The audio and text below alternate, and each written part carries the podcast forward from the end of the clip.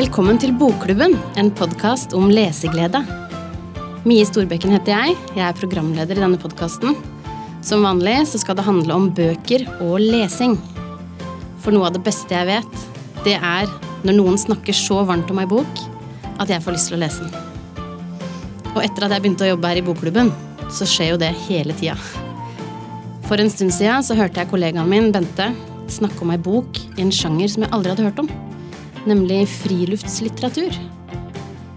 Stikkordene som festa seg hos meg, var tre briter på fottur i Norge på 1800-tallet. Ikke bare ble jeg dypt overraska over hvor underholdende det var å lese om folk som er på telttur, men jeg fikk til og med lyst til å dra på tur sjøl. Og sånn ble ideen til denne episoden født. Temaet for dagens episode er bøker som gir deg lyst til å dra på tur.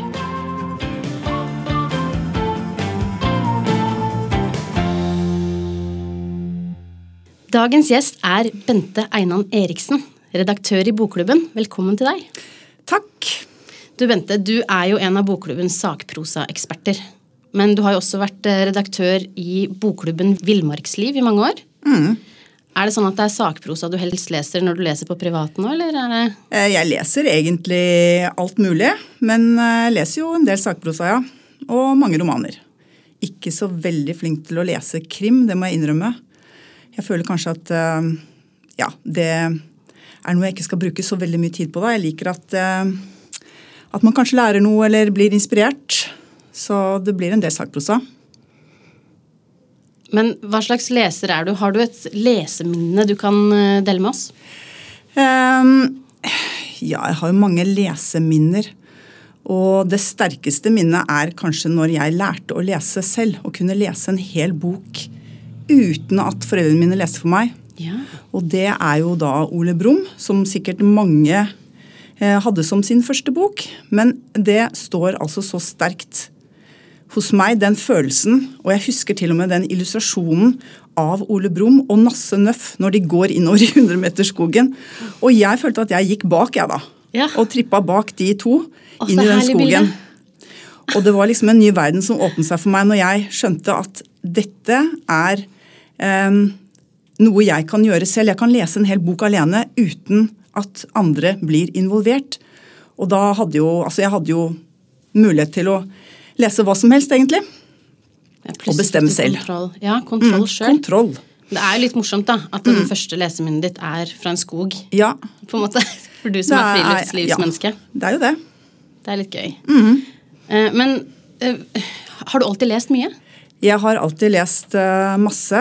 Um, siden jeg er enebarn, så har jeg jo vært mye alene hjemme og mye alene på ferie. Så da hadde jeg jo en bunke med bøker, så det var jo sikkert de vanlige seriene som Bopsy-barna og Hardy-gutten og Frøken Detektiv og, og en del sånn sakprosa for barn eh, som jeg husker at jeg leste. En, eh, noen sånne serier. Og det gikk unna med Det var mye lesing, altså. Det var det. Litt for å underholde deg sjøl som enebarn, sier du? Japp. Mm. Ja, Det er litt gøy du sier det, for jeg er jo det motsatte av enebarn. Jeg har jo fire søsken, og Ja. har jo også lest veldig mye for å få fred, Ja. ikke sant, fra disse små. Mm. Men du, da vi begynte å jobbe med denne episoden her, da, så må jeg jo innrømme fordi da var jo tanken at vi skulle lage en episode om turbøker. var liksom det vi snakka om. Ja. Og da tenkte jeg at det høres litt tynt ut. At liksom, hvordan skal man lage en episode hvor vi snakker om masse bøker fulle av kart? Og så skjønte jeg jo at det er jo eh, flere sjangere her som liksom har gått meg hus forbi. Reiselitteratur eller friluftslitteratur eller hva, hva skal vi kalle det? Eh, vi kan jo godt kalle det friluftslivlitteratur. Um, og i det begrepet så er det jo ganske mye som inngår, tenker jeg. Um, det er jo mye um, Altså den som liker å være ute på tur, eh, leser jo ikke bare eh, turtipsbøker. eh, men er jo kanskje henfallen til å lese litt sånn klassikere som den vi begynte å snakke om, 'Tre i Norge ved to av dem'. Ja. Som jo er en sånn utmerket og ganske artig bok fra 1800-tallet. Som, som er ganske kjent, da. For det var den jeg nevnte i introen. Ja, det var Ja. den vi nevnte i introen, eller du nevnte. Mhm. Eh, det er jo tre karer fra England som reiser fra London til Kristiania med eh, båt og fortsetter eh, videre på Mjøsa til Lillehammer. Ja, Skibladner, tror jeg. På Skibladner, Hvor de ser på damene som de ikke syns er så veldig fine på akkurat den båten, men ellers så ser de jo mange andre fine damer Ja. eh, senere. Og så reiser de med hest eh, inn til Gjende og oppholder seg der, da. Der skal de jakte og fiske og gå på tur. Um, Og med mye bagasje. de ikke gidder mer. Ja, de har veldig mye bagasje, og det er jo litt morsomt å lese om hvordan de um, frakter bagasje. Kanoer har de med seg, og de har jo med mye whisky. Ja, for det trengs. Det trengs. Whisky trengs. Og de skal jo også De, de må jo engasjere en hel haug med mennesker. For, å, for at de liksom skal greie seg, da. De skal jo ha sekker med poteter. De må ha noen til å bære vann. Eh, De må jo ha tak i noen hunder og hester og ja. Og de engasjerer lokalbefolkningen. De engasjerer Nordmenn. eh, lokalbefolkningen, som eh, de jo ser på med Altså, Dette er jo en veldig sånn ironisk bok. Det er jo Det er det. masse humor. Og de, det er jo akkurat det som er så morsomt med, den boken, at den, den er så morsom å lese. De er så frekke Veldig. med hverandre og med de norske bøndene som de ser på som eh, litt eh, rare. Kanskje de ser litt ned på dem. Ja, litt trege. Ja, de er trege. De står og stirrer. De står og stirrer. Gaper. Så når, når de kommer hjem til teltet og har vært ute og fiska, så står det kanskje noen nordmenn utenfor teltet og bare glaner. Og lurer på Og der blir de stående og glane. Uten å si noe. Uten å si noe. Liksom. Ja, det er helt nydelig. Ja. Jeg synes Det likte jeg veldig godt, fordi jeg, har jo, jeg er jo gift med en engelskmann. Og han Ja. øh, har jo noen øh, morsomme ting å si, han også, om nordmenn. Så jeg kjente jo liksom igjen hans betraktninger i det de driver og sier der. Ja. Jeg har allerede bestilt boka til han på engelsk. Det er veldig bra. Du skal få lese den. Ja. Den er helt nydelig. Mm. Men um, du har jo også nevnt en annen bok, nemlig 'På vandring med et esel i sevennene'. Er det sånn Ja. det uttales? Eh, ja, jeg tror at du kan si sevennene. Eh, det er i hvert fall sånn jeg sier det. Det er jo også en bok fra 1800-tallet. Skrevet av en fyr, eh, en skotte som heter Robert Louis Stevenson. Mm. Som har skrevet Dr. Jekyll og Mr. Hyde. Det skrev han, altså Dette var hans første bok. da, altså 'På vandring med esel i Sevenne' var hans første bok. Og senere ble han jo kjent som forfatter. Men uh, denne vandringen er jo en vandring for vandringens skyld, så dette er jo egentlig en ekte sånn friluftsliv-klassiker, mm. og kanskje en av de aller første da, som vi kaller en sånn friluftslivbok. Uh, også ganske ironisk og underholdende og ja, morsom å lese, Ja. egentlig, syns jeg. Han, han eh, ser jo også på eh, Han treffer jo også mennesker som han Han ser ikke akkurat ned på dem, men han betrakter dem med litt avstand og lurer jo litt. Um, men han går da altså en reise Altså han går en tur som tar eh, ca. Jeg vet ikke, tolv dager eller noe rundt der. Dette er et område i Frankrike. Dette er et område i eh, sør i Frankrike. Ja. Så han starter eh, i en liten landsby som heter eh, Husker ikke jeg hva den heter, men eh, i hvert fall. Han starter i nord, så går han sørover. Ja. Um, og når han kommer til den landsbyen, så må han jo han må jo bunkre mat, og han må jo planlegge turen. Og han får jo masse hjelp av de som bor der, som um, lurer litt på hva, hvorfor han skal gå eh, den turen, for det er jo farlig. Ja, det er jo det- ulver, Ja. og det er jo røvere. Og han skal attpåtil ligge ute. Mm. Eh, Så han må jo få lagd en sovepose, da. Så han får lagd en diger rull eh, som skal være en sovepose med et trekk utenpå og saueskinn inni. Og Finner det- han liksom litt opp den eh, han finner opp soveposen, kan du si. Kanskje. Ja, Ja. på en måte. Men han kan jo ikke bære den på ryggen, for den er altfor stor. Så han må jo ha noen som kan bære foran. Og da er det jo eh, greit med et dyr på fire bein. Ikke hest, for det er eh, ikke veldig forutsigbare dyr. Veldig ikke godt forhold til hest. Han må ha noe som er roligere og søtere og snillere, så det blir da et esel. Som han kjøper. Det der. Mhm. Modestin heter eselet, og hun eh, viser seg jo å være eh, ikke sånn veldig lett å ikke, ha med seg, da. esler, er ikke esler litt lunefulle, de òg? Ja, ja, ja, liksom. hun er jo det. Og den oppakningen sliter han veldig med, for den ramler av, og den ramler liksom ned. Sklir ned under magen på eselet. um, og han er så snill. altså De landsbyfolkene ser jo på han som litt um, dum. Som ikke altså Han greier jo ikke å Han må jo denge eselet, mener de, men han er så snill. Han vil jo ikke Ja. gjøre noe vondt mot eselet. Men etter hvert så får han seg en stav med en pigg på, og da får han liksom fart på henne. For hun går jo så sakte at de kommer nesten ikke av gårde. De velter nesten når de går. ikke sant? Det er så sakte, og hun stikker av andre steder og gjør som hun vil. Men han blir veldig glad i eselet. Og er veldig lei seg når han må kvitte seg med eselet. Når han er ferdig med turen. Ja. Mm. Men det er skrevet med veldig mye sånn humor. Veldig mye humor, men også altså han, reiser, han går jo denne vandringen fordi han har kjærlighetssorg, og eh, han må tenke litt, da. Og Ja. komme litt bort fra sivilisasjonen, på en måte. Han må liksom rense, rense hodet for uh, alt som er uvesentlig. Og det er altså På den måten så er det jo en slags sånn åndelig reise for han. Og han tenker også på Altså, han møter jo Han er jo ikke religiøs, han er ateist, og han uh, Men altså, han tenker jo på på religion mens han går også. Han er jo innom en del klostre. Eh, han forestiller seg scener fra eh, 1700-tallet hvor eh, protestanter og, og katolikker barket sammen. Eh, men nå lever de jo litt ja, De lever eh, side om side og det, Men det er liksom Han eh, forestiller seg scener da, fra den tiden.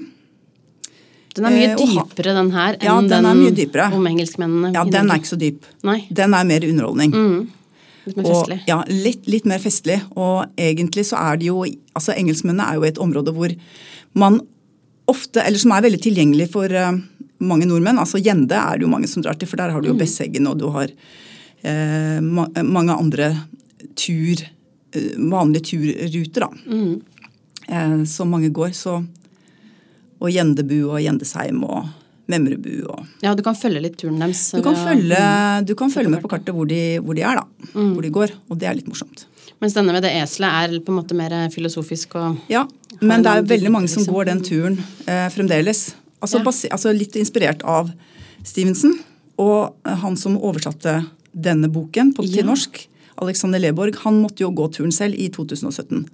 Ja, det Eh, er og det er jo også en morsom bok å lese, egentlig. Han skrev jo en, en, en bok som heter 'På vandring eh, i Sevennene Uteneser. Uteneser. Uteneser. Uteneselsvennene. Ja. Mm. Ja. ja, det er litt morsomt at han gjorde det. Mm. Eh, Men er den også For den har jeg ikke lest, nemlig. Er den på en måte også litt sånn tankefull og sånn, eller er det mer en Eh, reiseskildring? Det er mer enn en reiseskildring, men han, ja, den er sikkert litt Han tenker jo litt han òg, men eh, ja, Han sammenligner vel sin tur med Stevenson sin tur, da. Ja. Og han treffer jo også mange folk som han eh, snakker med, og som han møter igjen senere på turen. og ja. Men, men den boka, denne med eselet, den er på en måte kjent der ute i verden, eller? ja. Ja. Det er liksom regna som en klassiker. Det er regnet som en klassiker. Mm, som man bør lese. Ja. ja, jeg skjønner jo det. Jeg har jo begynt, men jeg har ikke kommet meg gjennom hele. Nei. Men ja, det er spennende. Men en annen sjanger som du eh, dro fram, da, som jeg også liksom ikke hadde tenkt over at finnes, og det er eh, oppdagelsesreiselitteratur, eller altså Ja. Ja. polfarerlitteratur. ehm, det er jo også sånn at um, folk som liker å være ute, kanskje har en hang til å lese den type bøker. Og det er jo også ganske mye underholdning i det, men uh, spennende. da. Det er så, man blir så imponert. Eller jeg blir kjempeimponert over hva de drev med. Uh, altså fra sånn 1400-1500-tallet og, og fram til vår tid, kan du si. Men i hvert fall de første reisene hvor de skulle finne Altså de hadde jo ikke kart, men de skulle jo finne eh, Nordøstpassasjen f.eks., eller Nordvestpassasjen. Eh, av økonomiske grunner, da, for å liksom, få en kortere eh, reise fra Europa til Asia. Ja. Så det var jo mange som prøvde å finne Nordøstpassasjen. Eh, og den eh, Altså, det er jo problemer med is, selvfølgelig. I våre dager så er det jo litt lettere, for det er ikke så mye is. Mm. ja, det er godt poeng. Eh, Ja. mm, men eh, Og dårlig utstyr hadde de jo. de hadde veldig dårlig utstyr, og de kunne jo kanskje ikke så mye om å oppholde seg i Arktis. Nei. Så mm, ja. Og de var kanskje ikke så gode til å navigere, de hadde ikke noe erfaring. De hadde ikke akkurat trimmet så mye for dette, annet enn å ja, trimme barten foran speilet. Det var gjerne sånne engelske adelsmenn, f.eks. Ja. En fyr var jo i Henrik den 8.s hoff, og han ble jo da satt til å lede en ekspedisjon på 1500-tallet for å finne Nordøstpassasjen. Uten erfaring med uten is? erfaring. Han hadde jo aldri drevet med dette.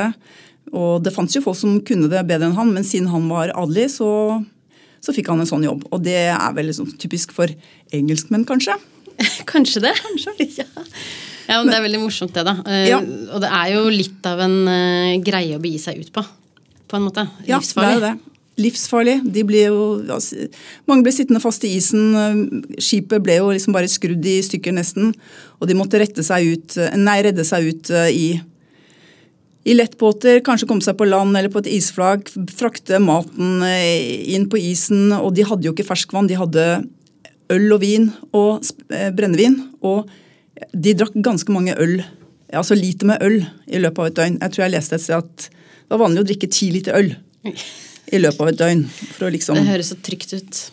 ja, veldig trygt. Og de jo, altså de fikk jo skjørbuk og døde, og det var mye sykdommer, mye, mye elendighet, da. Men du snakker om en bok som har samla mange av disse historiene? Ja. eller? Ja. Polare tragedier av en som heter Odd Harald Hauge er veldig artig å lese, for der er det mange litt så kortere historier om eh, de som har holdt på med den type turer som eh, ikke gikk eh, helt i boks, da. Ja. Mm. Rett i dass, for å si det sånn. De gikk rett i dass. Og det er, altså det er bare ja, nei, det, er liksom, det er helt vanvittig, egentlig, hva man holdt på med. Ja. Så, og det å reise ut uten å regne med at du kom hjem igjen Du måtte jo liksom, regne med at du døde, da. ja, og det var det sikkert mange som gjorde òg. Det var det mange som gjorde. Mm. Det er jo voldsomt. Ja. Vi har jo, eh, du har jo anbefalt en annen bok også.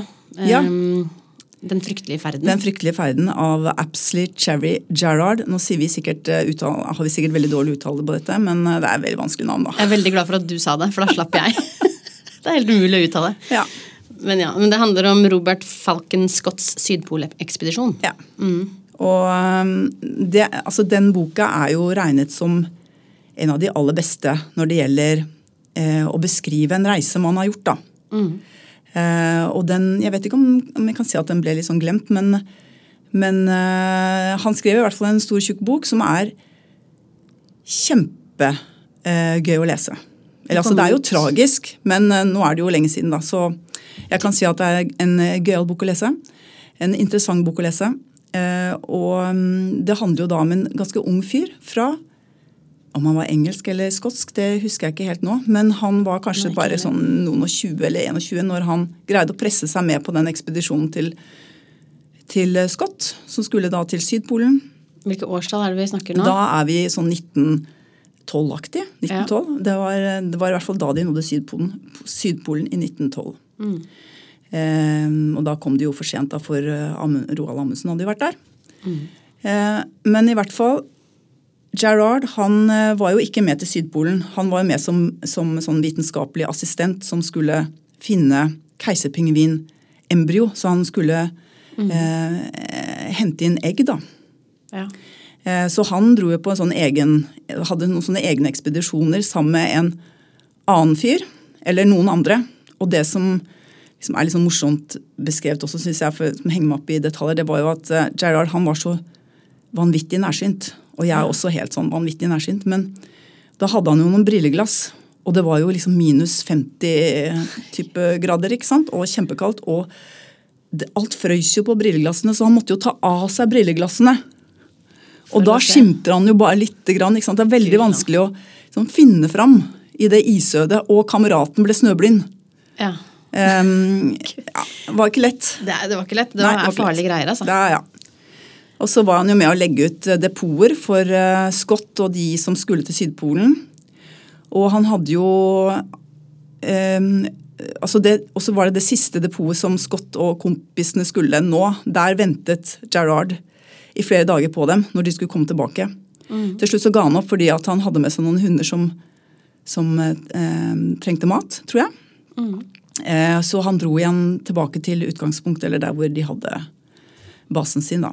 Og så eh, eh, døde jo Scott og de mennene eh, bare to mil fra det depotet, så de var jo nesten i mål, egentlig. Men da eh, ga de opp, da. Så De ble sittende fast i en de storm. ble sittende fast i en storm.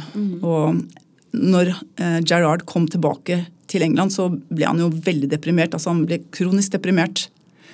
Eh, men han skrev i hvert fall boken.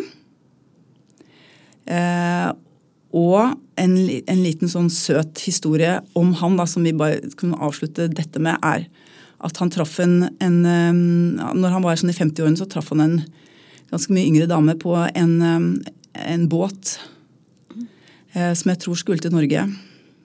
Og så ble han jo litt forelsket.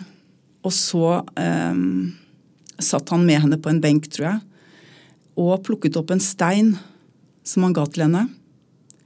Eh, og det er jo, var jo litt eh, symbolsk. Altså han Det er det, det eh, keiserpingvinene gjør. Altså oh, ja.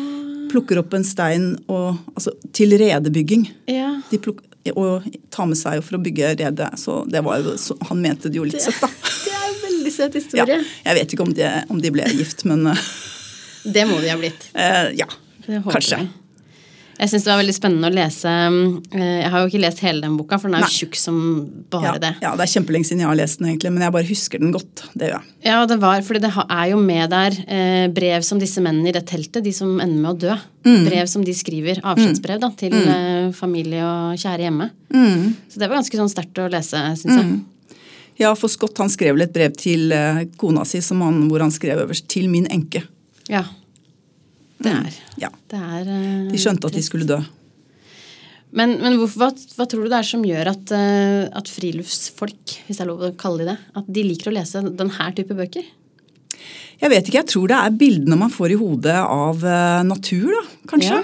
Jeg får i hvert fall ganske sterke bilder av, av natur når jeg leser den type beskrivelser. Både altså, vandring gjennom sevennene, så ser jeg jo for meg egentlig eh, dalene og trærne, og han beskriver jo veldig godt naturen når han går, ikke sant. At Eh, han beskriver trærne, han, og han beskriver liksom noen fjellskrenter han skal opp. Så tenker jeg at det er sikkert ikke mye fjellskrent, men det var sikkert mye for han, da. Ja. Eh, men jeg ser det for meg at han skal over noen sånne fjellpass. Og, han, og naturen endrer seg ganske mye da, på den reisen. Det er, eh, det er nok ganske variert. Og da får man de fine bildene i hodet, og så får jeg jo litt lyst til å gjøre det samme selv. Ja. Jeg får jo lyst til å gå den turen i Svennene. Men får du lyst til å gå til Sydpolen? Nei, det der, får jeg ikke, liksom? men der er det mer andre ting. At eh, jeg blir så imponert over hva de gidder eller utholder. Da. Mm. Men jeg lar meg også fascinere av, av folk som skal eh, opp på de høyeste fjelltoppene. ikke sant? Og at jeg, men jeg skjønner at noen syns det er idiotisk. Men ja. jeg skjønner hvorfor de skal det. Ja. Og det er fordi Mm. Nei, det, det er jo fascinerende, og det er noe med å liksom oppnå noe det er, det er jo virkelig en opplevelse. Liksom mestringsfølelse når du står på toppen, på en måte, og har pressa deg Ja, til det jeg tror jo kanskje at du er så sliten da at du ikke kjenner så mye på det, men etterpå da, Ja. så er det jo en mestringsfølelse sikkert. Men eh, nei, det er vel noe med å oppleve de store ting eh, i naturen. Mm. En slags følelse eh, som er der, da. Men du, du sa i stad at det, det ikke skrives så mye av denne typen bøker lenger. Nei, ikke sånn type reisebeskrivelser som, eh, som de vi har snakket om nå. Det er det vel kanskje ikke så stort marked for. Det var vel større marked for en del år siden, for 20 år siden. Så- Før sosiale medier og Nå er det nok mye sosiale medier, og man Ja. Eh, også når det gjelder jakt- og fiskelitteratur, så gis det ut veldig lite. Det var det jo mye større marked for før. Men folk henter nok mye på nettet. Mm. Men vi finner jo igjen mye av dette liksom, naturskildringene i enkelte andre bøker, som f.eks. Sarek av Ulf Kvensler. Ja, det er jo en krim, og den har jeg jo lest. Der eh, får jeg jo veldig bilder i hodet, Ja, og får veldig lyst til å dra til Sarek. Og det var jo veldig spennende Ja. krim. Ja, Den kan det. vi anbefale. Den kan vi absolutt anbefale. Den har vi anbefalt her før. Ja. Men den anbefaler vi absolutt. Men det er helt enig, jeg òg fikk lyst til å dra på tur. Veldig Mm. sånn gode beskrivelser av eh, landskap og ja. Og bare den Ja. turfølelsen, egentlig. Sånn bortsett fra alt det kjipe som skjer, Ja. på en måte. Ja, du, du ser jo for deg den, altså, den dalen og elva som renner, og liksom fjellene på begge sider, og hvor fint du kan liksom gå innover der, slå opp teltet, finne fram fiskestanga, eh, lage litt turmat og kose deg. Mm. Ja. Får veldig lyst til det. Ja, det er veldig fint beskrevet. Ja. Jeg er jo ikke noen friluftsperson, men jeg får faktisk litt lyst Ja. til å reise på tur. Mm. Eh, En annen sånn type bok som jeg kom på da vi jobba med dette, er jo 'Fiskehuset' av Ja. Mm. Stein Torleif Bjella, som handler om liksom det å fiske. Ja, den tenkte jeg på uh, faktisk uh, som Altså, den kan ligne litt på Tre i Norge ved to av dem. Altså stilen. Mm. Eh, også to rare gubber, kan vi tillate oss å si det. Ja. Som, eh, som mobber hverandre litt, og det gjør de jo i Tre i Norge ved to av dem. Og de har jo, det er jo litt alvor der, men allikevel ganske mye eh, Det er jo ganske underholdende, da. ja, det er det. Selv om eh, det er jo ting som er alvorlige også, eller som, som, eh, som skjer. Den er helt, Som, helt nydelig. Ja, ja, men den har på en måte det litt sånn gammelmodige preget over seg. Ja, den har det. Men Mhm. det, lurer på om det kommer litt av at han er eh, jo en ordentlig gammel gubbe, han ene. Mm. Onkelen, ja. Ja, ja. Han er virkelig Han er jo en eh, litt vanskelig og vrang og sur gubbe. Mm. Uh, ja. Men det er mye, det er mye fiske. Det, er, Det er veldig mye fiske. Jeg får litt samme følelsen. Det, men det er jo ikke en sakprosabok. Det er det ikke. Men det, det tror man nesten litt når man leser den. Ja. Det det Men det er jo en roman. Ja, Ja. det er jo det. Mm. Uh, men ja. Eh, du har jo tatt med deg litt andre bøker her også. Ja. Som er mer sånne typiske det jeg tenker på som turbøker. da. Ja, Ja. Skal vi dykke ned i det? det kan vi gjøre. Eh, Det har jo kommet flere nye bøker denne våren, faktisk. Som er typiske turtip, turtipsbøker. Mhm. For eksempel så har vi den eh, som heter Gå grønt. Mm. Av to eh, søstre som heter Heireng, Heireng til etternavn. Og det de er opptatt av, det er at man eh, skal etterlate minst mulig etter seg. Man skal gjøre det litt mer miljøvennlig, være mer miljøvennlig når man reiser til turmålet, f.eks. mm. Og at man skal bruke eh, delehytter, sånn som turistforeningshytter og Mhm. en del koier som, som er åpne, som flere kan bruke. Ja, mer miljøvennlig tur. Mer miljøvennlig tur, og um, det de tar utgangspunkt er i, er jo toget. At man kan ta toget til veldig mange fine steder Ja, i Norge hvor turen kan starte. Ganske nærme togstasjonen. det er helt nydelig. Det er veldig nydelig. Det er noen togstasjoner som, som de har beskrevet uh, som veldig bra utgangspunkt. Da. Det er eh, Majavatn. Da kommer du inn i Børgefjell. Røros. Da kommer du inn i Femundsmarka. Åndalsnes. Da, inn, ja, da kan du ta Romsdalseggen og andre turer. Eh, Kongsvoll. Da kommer du inn i Dovre. Og Finse.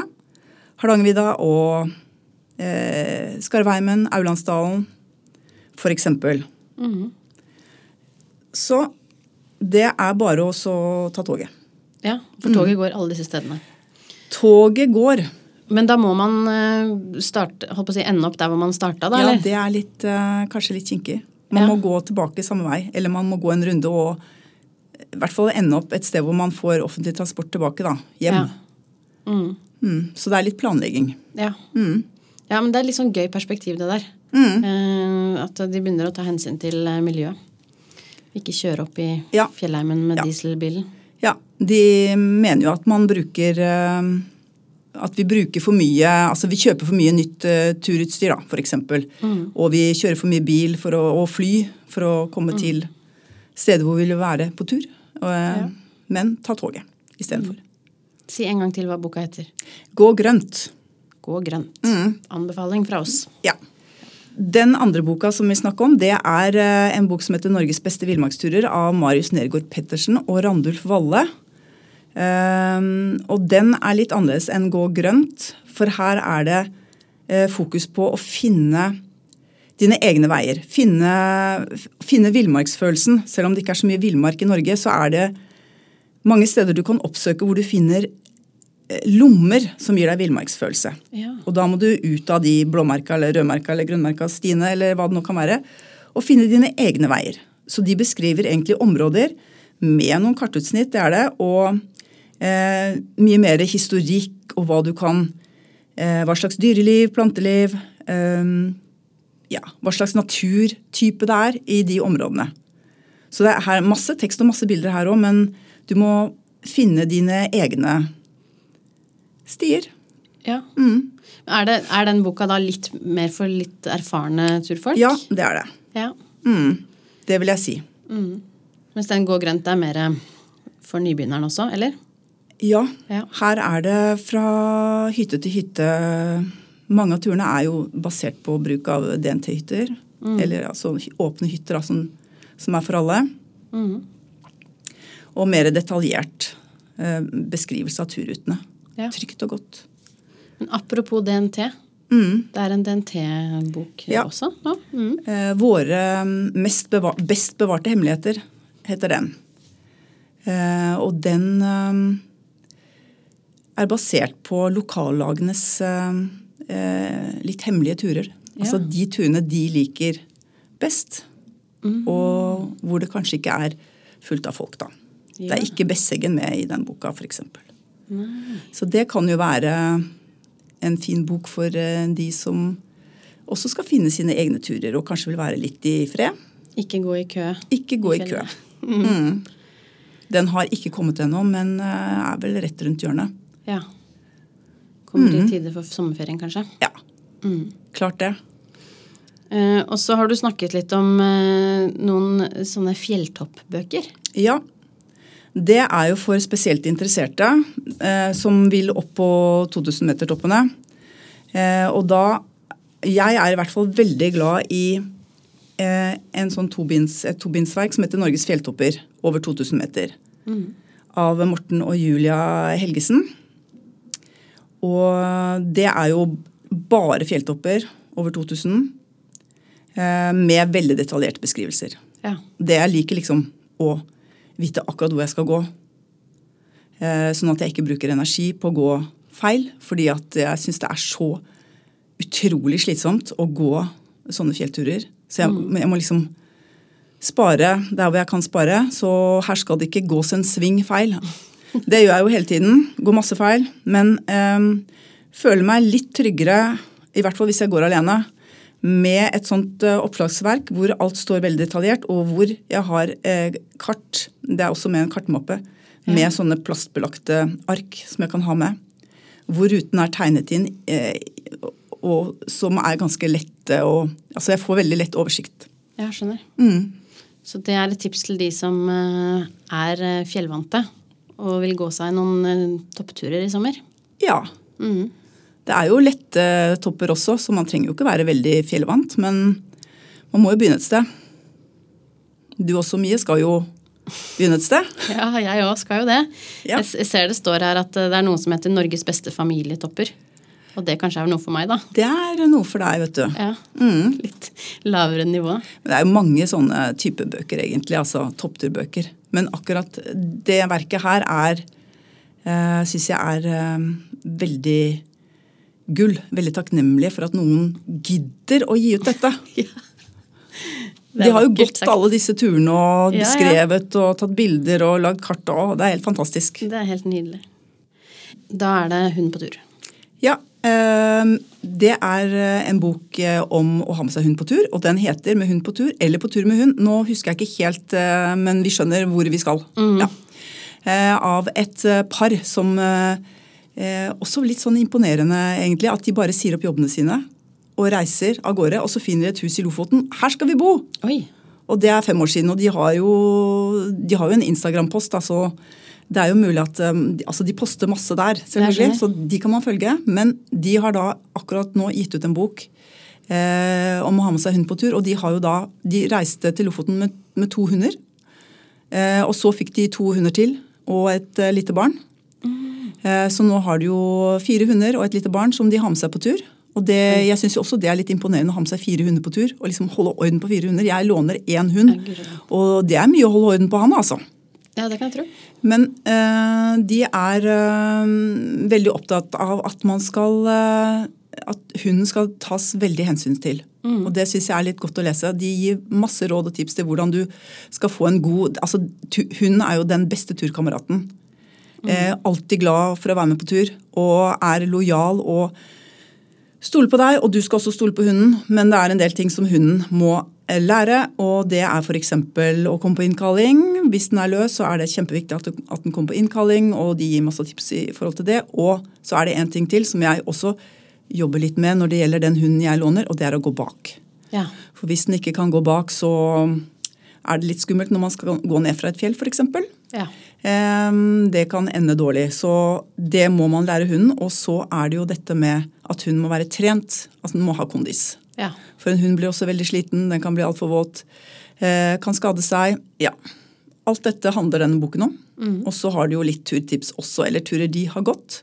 Ja. Egentlig så syns jeg det var en ganske sånn bra bok om å ha med seg hund på tur. ja. Ja. Spennende. ja. Så det, det er også en ny bok nå som vi kan kalle en turbok. Ja. Mm. Da Vi anbefaler jeg den nå. Vi anbefaler den absolutt. Ja. Siste anbefaling for dagen. Ja. Men før jeg slipper deg, da, så har jeg jo tenkt å spørre hvilken bok du leser akkurat nå. Eh, Jeg har akkurat avsluttet eh, en eh, roman om, som heter 'Portrett av en brud'. Ja. Den må jeg også få si at jeg anbefaler. Den var veldig bra. Det er jo fra Italia og eh, 1500-tallet om Lucrezia di Medici, som jeg sikkert sier feil uttale på nå. Ja. Men den boken jeg skal lese nå i helgen, det er eh, noe som jeg bare kom over helt tilfeldig. Eh, og tenkte oi, den har jeg ikke sett. Og det er Fredrik Sjøberg, 'Fluefellen'. Ja. Eh, om Fredrik Sjøberg selv, da, som reiser fra Stockholm og ut på en øy eh, i Stockholmskjærgården for å fange blomsterfluer.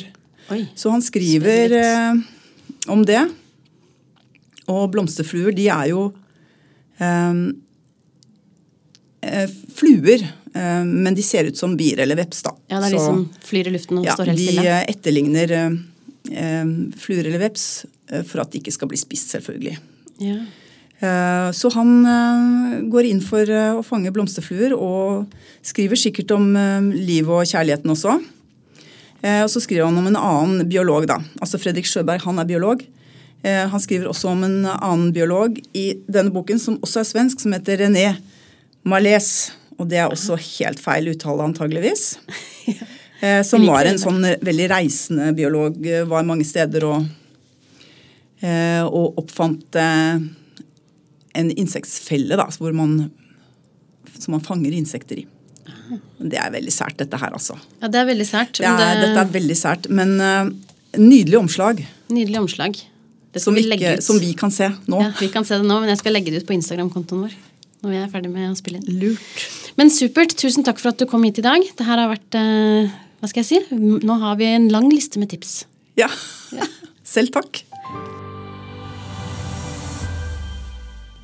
Hvis du har lyst til å se bilde av alle bøkene som vi har snakka om nå, så anbefaler jeg at du følger oss på Instagram. For der skal jeg legge ut eh, bilder av hver eneste bok. Og hvis du har lyst på mer leseinspirasjon, så må du bli med i Facebook-gruppa vår. Den heter Mer leseglede med Bokklubben, og der kan du snakke med oss som jobber i Bokklubben, og mange andre engasjerte lesere, og bli inspirert til å plukke opp ei bok. Vi høres med ny episode før du aner det. Og til da god lesing!